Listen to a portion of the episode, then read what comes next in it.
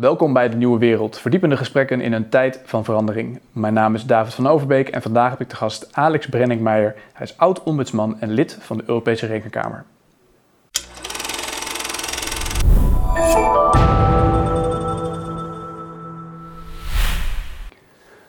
Dag Alex, goedemiddag vanuit Luxemburg voor de tweede keer bij ons. Dankjewel voor je aanwezigheid. Ehm, twee weken geleden spraken wij, spraken wij over de toeslagenaffaire en over jouw stuk wat jij in het Nederlands Juristenblad had gepubliceerd. En nog een aantal andere stukken daaromheen. Uh, over jouw functie als ombudsman en hoe jij daarop terugkeek en hoe jij de toeslagenaffaire eigenlijk uh, verklaart vanuit jouw perspectief. We hebben toen gekeken naar een aantal verschillende onderdelen van het, uh, ja, van het systeem, zou je kunnen zeggen. Van de rechters tot de politiek, tot aan de rol van de ombudsman, tot aan de uitvoerende instanties. En daarmee hebben we een soort analyse eigenlijk gegeven wat daar gebeurde. En aan het einde van het gesprek zeiden we eigenlijk al tegen elkaar van... Eh, misschien is het ook eens, kunnen we eens gaan kijken of we naar een soort antwoord toe kunnen. We weten nu wat er zo min of meer misgaat. Uh, wat zouden we daar als antwoord tegenover kunnen stellen? Laten we dat in dit gesprek eens, eens verkennen. Jij hebt uh, je onder, natuurlijk ook uitgelaten over een mogelijk antwoord daarop. Uh, gewoon als vertrekpunt, maar als een boek nemen... Moreel Leiderschap uit 2017... Um, waarin jij in zekere zin een kritiek geeft, zou je kunnen zeggen, op technocratisch bestuur. En dat was ook een beetje waar we vorige keer geëindigd zijn. Dat het, dat het aan de ene kant interessant is om te kijken naar het systeem natuurlijk, maar het heeft ook met cultuur te maken, met de manier van leiding geven. En dat we nu in Nederland ja, toch vooral een technocratische bestuur zien. Kun je daar misschien eens iets over vertellen hoe dat eruit ziet en waarom dat in jouw ogen ja, qua cultuur nou zo problematisch is? Ja, ja, ik, ik denk dat deze probleemstelling uh, belangrijk is, omdat daarin uh, elementen tevoorschijn komen die uh, problematisch zijn in het huidige openbaar bestuur.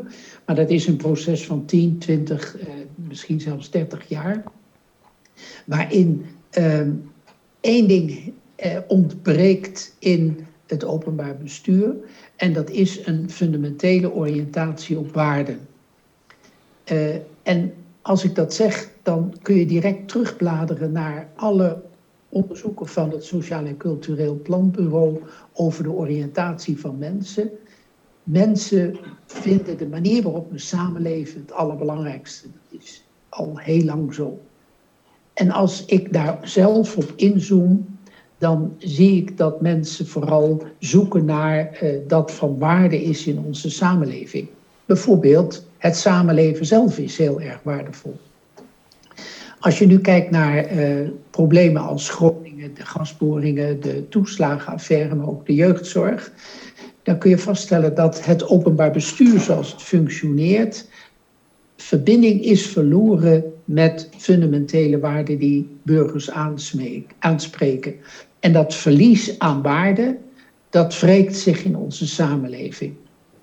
Jij noemt daar in jouw boek ook het onderscheid, onder andere, maar ook in een, in een speech die je eerder gegeven hebt, openbaar, het onderscheid tussen leefwereld en systeemwereld. Natuurlijk komt dat bij Habermas vandaan uit de filosofie, maar de leefwereld van de burger, die in zekere zin niet meer aansluit bij de systeemwereld in dat openbaar bestuur die we met elkaar gecreëerd hebben. Uh, hoe openbaart zich dat? Hoe ziet dat eruit en, en hoe is dat zo gekomen? Nou, je zou het eigenlijk heel simpel kunnen formuleren door te zeggen dat voor het openbaar bestuur de burger een nummer is. Het burgerservice nummer, zo is het uiteindelijk op een gegeven moment genoemd. En uh, je wordt als nummer behandeld. En vaak kan dat best hoor. Ik bedoel, in systeem is dat niet zo problematisch. Maar uh, als het erop aankomt, is het heel problematisch dat je slechts een nummer bent. En als reactie op bijvoorbeeld de toeslagenaffaire is uh, een duidelijke roep om maatwerk. Maar wat betekent dat maatwerk nou eigenlijk? En je kunt het wel makkelijk zeggen, maatwerk, maatwerk, maatwerk. Maar achter die dat maatwerk zit uh, wat ik noem de behoorlijkheid. Ons openbaar bestuur moet zich steeds oriënteren op behoorlijk bestuur, beginselen van behoorlijkheid, bijvoorbeeld transparantie, het geven van een goede toelichting, ook bereikbaar zijn, simpelweg bereikbaar zijn. Uh, maar in ieder geval bestuur wat op een menselijke manier met jou weet te communiceren. En in een aantal operaties in de afgelopen decennia heeft men met het oog op bezuinigingen, maar ook bepaalde principiële keuzes, uh, een, een snee aangebracht tussen hoe uh, het systeem naar buiten treedt en die leefwereld van burgers. Ja. En uh, die, die scheiding die, die is problematisch omdat daardoor burgers of afhaken of niet meer mee kunnen komen of het geloof verliezen in de overheid. Je zei net even, die, uh, het ontbreken van morele oriëntatie, bijvoorbeeld van bestuurders. Is dat nou, hangt dat samen met dat technocratische met het bestuursmodel? Je zou natuurlijk ook kunnen zeggen, technocratie is zelf ook een bepaalde waarde. Waarde van efficiëntie, waarde van uh, dat zaken op een, uh, op, op, een, op een snelle en efficiënte manier georganiseerd moeten worden en dergelijke. Of is het meer dat, er, dat die waarden op spanning staan met elkaar op gespannen voet? Ja, nou dat technocratisch bestuur uit zich onder andere door ehm, eh, gebrek aan vertrouwen in de burger. Hm. Dat betekent dat het systeem zo wordt ingericht hm. dat uh, zeg maar de overheid maximale zekerheid krijgt, maar tegelijkertijd de burger maximale onzekerheid. En bij de toeslagenaffaire is dat duidelijk gebleken, maar op veel meer andere punten. En je zult het zelf ook merken dat je vaak in verbinding met de overheid uh, bij jou liggen de risico's, maar niet bij de overheid. Hm. En, en dat is uh, zeg maar het probleem van het ontbreken van waarden. Want de meest fundamentele waarde die, uh, die de overheid als uitgangspunt zou moeten kiezen, is dat de meeste mensen deugen. De mensen in de samenleving zijn in principe te vertrouwen. Er is een categorie die, uh, die onjuiste dingen doet. Daar moet je bovenop zitten, dat is geen probleem. Maar de systemen mogen niet zodanig ingericht zijn dat en de risico's bij de burger liggen, maar bovendien dat de burger ook niet vertrouwd wordt in uh, wat hij doet. Dus in de afgelopen 20, 30 jaar, waarin we die opkomst van de technocratische ja, bestuur eigenlijk hebben gezien, is daarmee in het kielzog ook een soort wantrouwen ten opzichte van de burger meegekomen. Um, wat zich heeft vertaald in allerlei uh, systemen, waar de burger ook mee te maken heeft natuurlijk in zijn, in zijn leven. En wat daar verloren gaat, onder andere, is ook het persoonlijk contact. Het gehoord kunnen worden als burger, het gezien kunnen worden. Nu ben je natuurlijk als ombudsman, um, zou je kunnen zeggen, een soort noodventiel, waar burgers dan terecht kunnen als ze klachten hebben over dat ze niet gehoord hebben. Hoe heb jij dat geërvaren destijds? Nou, het, het, boeiende was dat ik dus tienduizenden klachten uiteindelijk heb uh, gezien. En uit die klachten heb ik iets gedestilleerd. En wat ik eruit heb gehaald is eigenlijk heel simpel. Uh, ik heb hier mijn smartphone. De smartphone is uitzonderlijk complex. Er is weinig, het is een hele complexe computer. Maar mijn verbinding met de systeemwereld van de computer, met van de, uh, van de smartphone, is heel simpel. Met een, een aanraking, met een touchscreen, eventueel stembediening. Uh, zeer intuïtief kan ik uh, omgaan. En de meerderheid van de wereldbevolking kan omgaan met een smartphone. Hm. En dat succes van de smartphone zit hem in het woord interface. Ik vind het een heel mooi woord. En ik heb als ombudsman de vraag gesteld aan de hand van tienduizenden uh, zaken: hoe ziet nou eigenlijk een interface tussen overheid en burger eruit? En die interface bestaat uit vier delen. Het eerste is persoonlijk contact. Dat hoeft niet altijd, maar wel als het te doen. Mm Gewoon persoonlijk contact is heel wezenlijk voor mensen. Mhm. Het tweede is, je moet mensen serieus nemen. Dus als iemand boos is omdat hij slecht behandeld is, dan moet je niet zeggen, u moet niet boos zijn. Dan is iemand gewoon terecht boos. Het derde punt is, mensen willen graag met respect behandeld worden. En dat is die behoorlijkheid. Je moet mensen behoorlijk behandelen. En het vierde is vanuit vertrouwen. En ik heb als ombudsman dit verhaal op heel veel plaatsen verteld. En uh, zeg maar stereotyp is dat een burgemeester naar mij toe komt en zegt: Ja, ik had in mijn gemeente een hele lastige zaak. En wat heb ik gedaan? Ik ben in de auto gestapt, ik ben erheen gereden, ik ben aan de keukentafel gaan zitten en het is opgelost. Dan kan het natuurlijk ook zo zijn dat, laten we zeggen, wat ambtenaren die dan eh, misschien ook daarin zelf inderdaad dat persoonlijk contact zouden willen kunnen onderhouden met burgers of dat op kunnen zoeken, dat die ook zeggen, ja, maar ja, dan moet ik ook wat mandaat daarvoor hebben bijvoorbeeld, om daar uh, zelf die geschillen te kunnen beslechten. Dat voorbeeld wat je nu noemt bijvoorbeeld van die burgemeester. Ja. Dus je kan natuurlijk praten met mensen en ze aanhoren, maar als je vervolgens geen mandaat hebt en je verwijst dan toch naar de letter van de wet, sorry, het kan niet anders of ik kan niet anders, dan heb je als ambtenaar bijvoorbeeld, of als, als, als andere bestuurder, uh, heb je ook weinig keus. Ja, dat klopt, dat, maar, zeg maar, dat mandaat moet er zijn en niet in strijd met de wet. Hè. Dat zeg ik niet maar wel uh, zekere ruimte. Maar wat je in het moderne bestuur ziet, is dat ambtenaren op een laag niveau worden aangesteld. Hè, dus dat is een kwestie van bezuinigen. En die ambtenaren die worden vastgeprikt op uh, instructies, strikte instructies. En uh, de directeur-generaal van de Belastingdienst noemde dat in verband met de toeslagenaffaire robotiseren van ambtenaren. Hm. En dat gebeurt heel veel, dat verhoudingen tussen overheid en burger, het zij geautomatiseerd, het zij gerobotiseerd zijn en niemand denkt meer na. Ja, en niemand denkt ook meer zelfstandig daarin na. Nou, natuurlijk de vorige keer hadden we het heel duidelijk over met die toeslagenaffaire, wat daar natuurlijk onderdeel van het probleem was. Uh, het dwingend recht, dat werd opgenomen in de wetten die aanleiding hebben gegeven tot, uh, tot deze hele affaire, waarmee zowel door uitvoerende instanties, maar ook rechters eigenlijk al door de wetgever in een bepaald keurslijf werden gedrukt. Um, jij noemde net even het serieus nemen ook van het gevoel van mensen. En dan moet ik gelijk denken aan iets wat je eerder ook gezegd hebt, waarbij de oude filosoof Aristoteles aanhaalt en um, het onderscheid maakt tussen pathos, ethos en logos. De Griekse begrippen, enerzijds het gevoelsleven, het karakter uh, en uh, natuurlijk ook het verstand. Um, jij stelde onlangs of, uh, daarin dat we zien dat we een samenleving hebben gecreëerd die erg gericht is op die logos, of waarin die heel erg dominant is, het, het verstand als het ware. Kun je daar eens iets meer over vertellen over dat raamwerk, hoe jij dat gebruikt als je het projecteert op, op openbaar bestuur en hoe dat ons kan helpen om nou, dat probleem eens wat meer zichtbaar te maken? Ja, Um, inderdaad, Aristoteles geeft aan hoe de redenaar overtuigend kan zijn. Door middel van en logos en pathos en ethos in, uh, in zijn uh, presentatie. Maar ik heb dat omgekeerd in die zin. De vraag is ook hoe, uh, hoe kun je als instantie, als mens, mm -hmm. overtuigend zijn, gelegitimeerd overkomen. En dat betekent dat je naar alle drie de kanten moet kijken. En ons openbaar bestuur is heel sterk ingericht naar wetten, regels, protocollen, budgetten. En ga zo maar door. En dat wordt steeds afgevinkt. Dat geldt als een soort keurslijf. Maar op het moment dat er andere dimensies tevoorschijn komen, dan noem ik met name de kant van pathos, van de emoties die verbonden kunnen zijn met een bepaald onderwerp. Neem bijvoorbeeld met COVID. Er zijn natuurlijk sterke emoties mee verbonden. En dan gaat het niet om de vraag, loopt alles volgens de regels?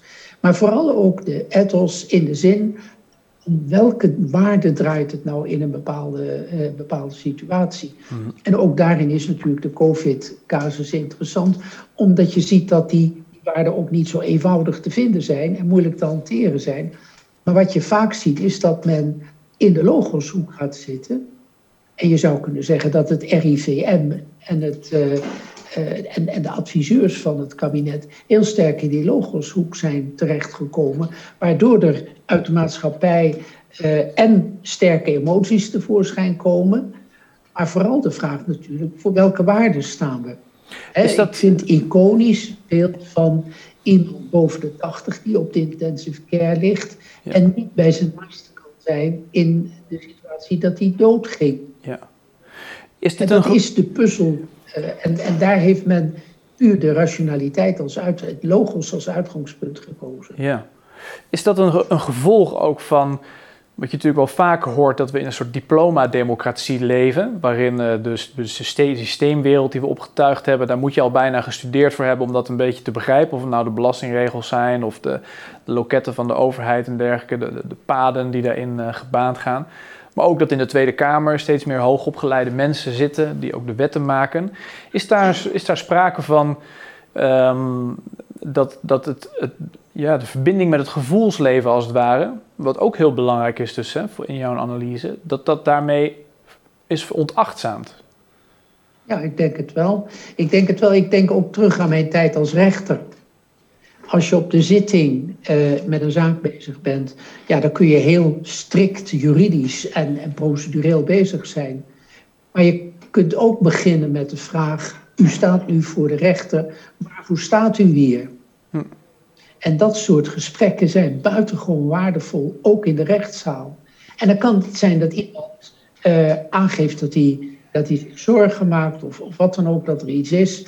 En dat, uh, dat kan een onderwerp, onderdeel zijn. Maar wat ik in de rechtszaal omschrijf, dat geldt op iedere plaats in het openbaar bestuur, maar natuurlijk ook in de, in de sfeer van wet en regelgeving. Dat als je alles dicht regelt uh, en als je alle, alle afwijkingen afstraft en hoge sancties erop zet, ja, mhm. dan druk je eigenlijk, zo is het wel omschreven, als je drukt zuurstof uit het systeem. Ja. Het, het systeem kan niet meer ademhalen en dat is, uh, dat is problematisch.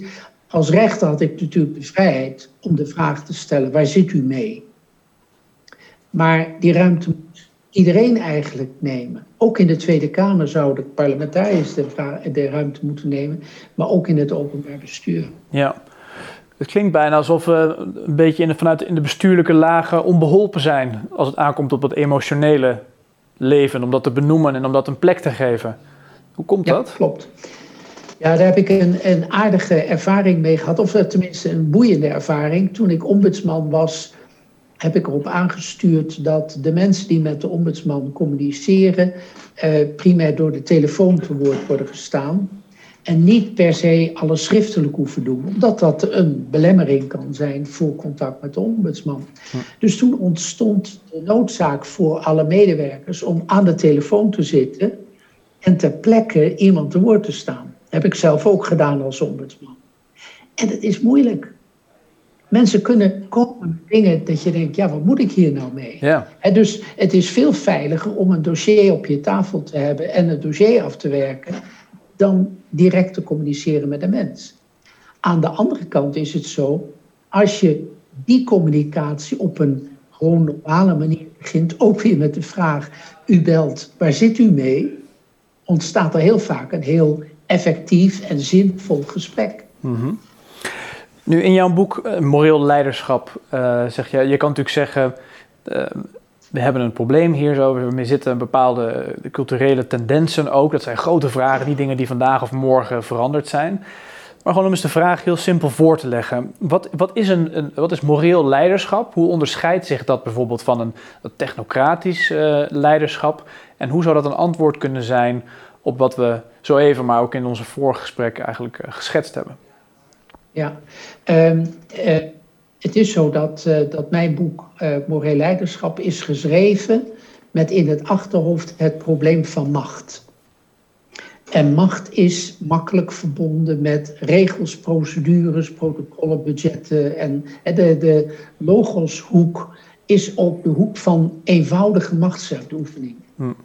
Daar staat tegenover dat vanuit de emotie ook veel macht kan worden uitgeoefend. Dus het is, het is niet eenzijdig het, het verhaal. Maar als ik moreel leiderschap introduceer, dan uh, luidt mijn stelling: in belangrijke kwesties moet je langzaam denken, niet automatisme afgaan, maar langzaam denken, zoals Kahneman dat heeft gepro eh, ge gepropageerd in zijn boek Thinking Fast and Thinking Slow. Mhm. Langzaam denken. En je moet even aftasten wat zit er in de logoshoek wat zit er in de paasdolshoek en, en wat zit er in de ethoshoek aan mijn kant, maar eventueel ook aan de kant van de anderen. Hmm. En als je die verkenning doet, dan kun je tot een balans komen. En eh, mijn stelling luidt dat voor jezelf het heel belangrijk is om die balans te vinden. Uh, en uh, in contact met anderen is het heel essentieel dat je die brug weet te slaan in verbinding met zeg maar, die verdeling van logos, pathos en ethos bij de ander.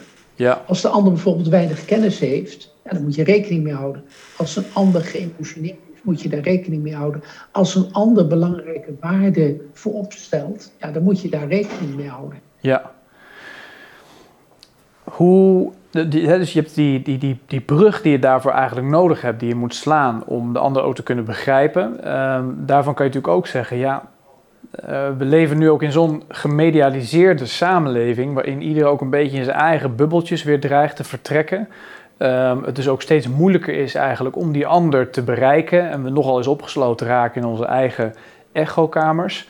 Hoe zou je dat, dat, dat idee wat je nu presenteert, daarmee mee rijmen met die, met die maatschappelijke werkelijkheid als het ware? Ja, uh, er is één sleutelwoord. En dat was voor mij de conclusie van mijn boek. Dat is het woord dialoog. En een dialoog op, op het micro, het meso en het macroniveau, op alle niveaus, in alle functies van de staat, maar ook in de samenleving, uh, is de dialoog essentieel. Neem een conflict met een buur. In de regel is het zo dat als dat uh, een gesprek mogelijk is, een dialoog met de buur, eventueel onder begeleiding, dat een oplossing is, vaak ook een verrassende en prettige oplossing. Dat is het microniveau. Maar ook uh, binnen organisaties, ik ben natuurlijk heel vaak geconfronteerd met conflicten in organisaties. Waardoor ontstaan conflicten? Door beperking van de uh, communicatie, door onbegrip. En op het moment dat je op een bekwame manier die dialoog weet, uh, weet te realiseren, dan beginnen de dingen weer te vloeien. Dan wordt het minder hard. En dat geldt ook op het macroniveau. Hmm. Ik heb een illustratie. Hmm. Op dit moment uh, is men bezig met klimaat en de consequenties voor, van, van klimaatmaatregelen. Uh, dat kan beslist worden vanuit Den Haag. Dat, dat kan uh, een druk leggen op de samenleving, bijvoorbeeld als het gaat om de plaatsing van windmolens.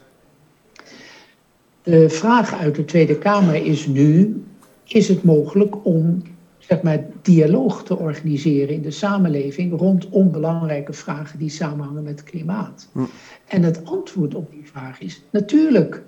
Mensen kunnen samenkomen en kunnen met elkaar in gesprek komen, waarbij je in eerste instantie ziet dat misschien de uitersten heel luid zijn, helemaal niet of helemaal wel.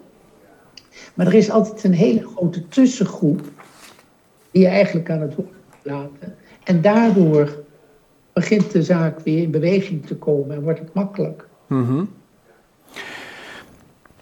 Hoe kunnen we nou, um, als we het hebben ook over moreel leiderschap, dan moet ik toch ook een beetje denken aan, aan wat Balkenende probeerde, laten we zeggen 10, 15 jaar geleden, met normen en waarden moeten weer terugkomen. Het is ook een beetje tegen de eigen gereidheid van mensen, dan wel in culturen, dan wel in, in organisaties, dan wel als burger, als individu.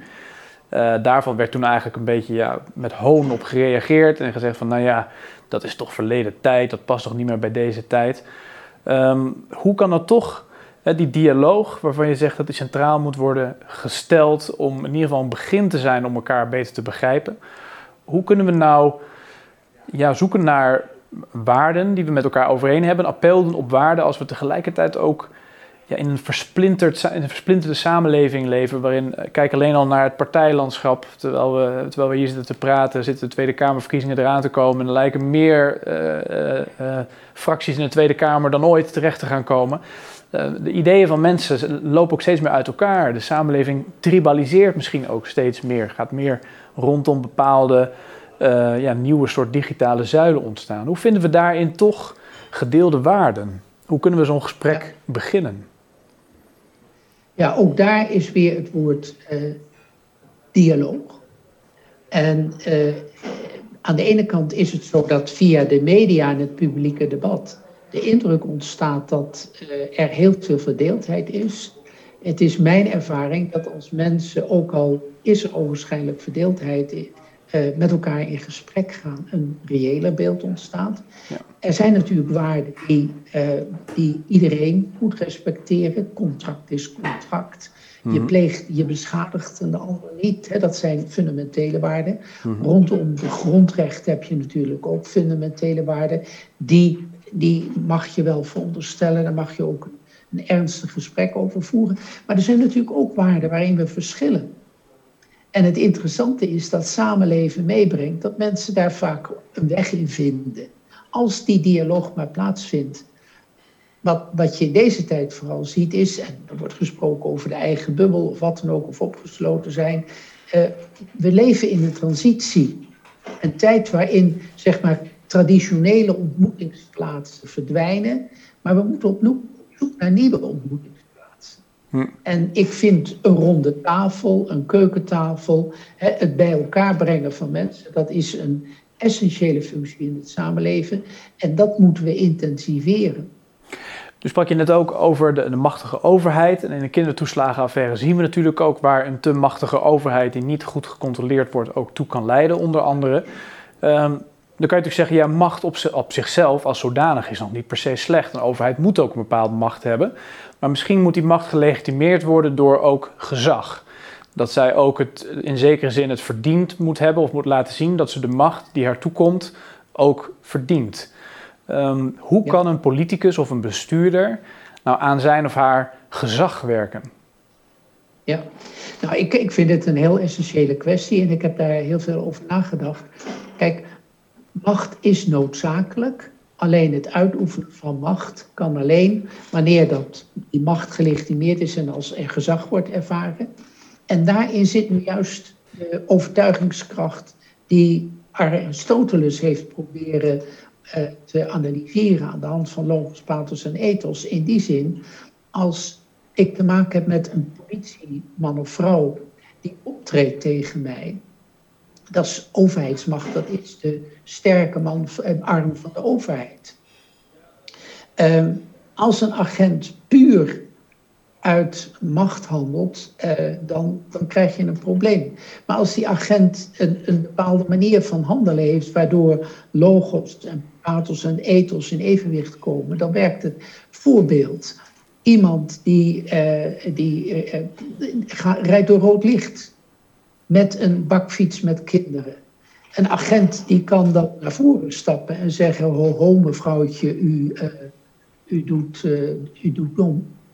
Eh, dan heb je een conflict. Dat heb ik als ombudsman gezien. Dus dan heb je eigenlijk meer macht dan gezag. Hm. Maar op het moment dat de politieman op een correcte manier, en denk dan weer aan die interface waar ik het over had, op een correcte manier zegt: uh, Wilt u even stoppen? Want en, en, en, vervolgens een dialoog aangaat in de zin van: U rijdt hier met kinderen, dat is heel erg gevaarlijk en dat kan niet. En ik ga u nu bekeuren. Ja. Dan zie je dat met zo'n intro de keuring geen macht is, maar gewoon staatsgezag.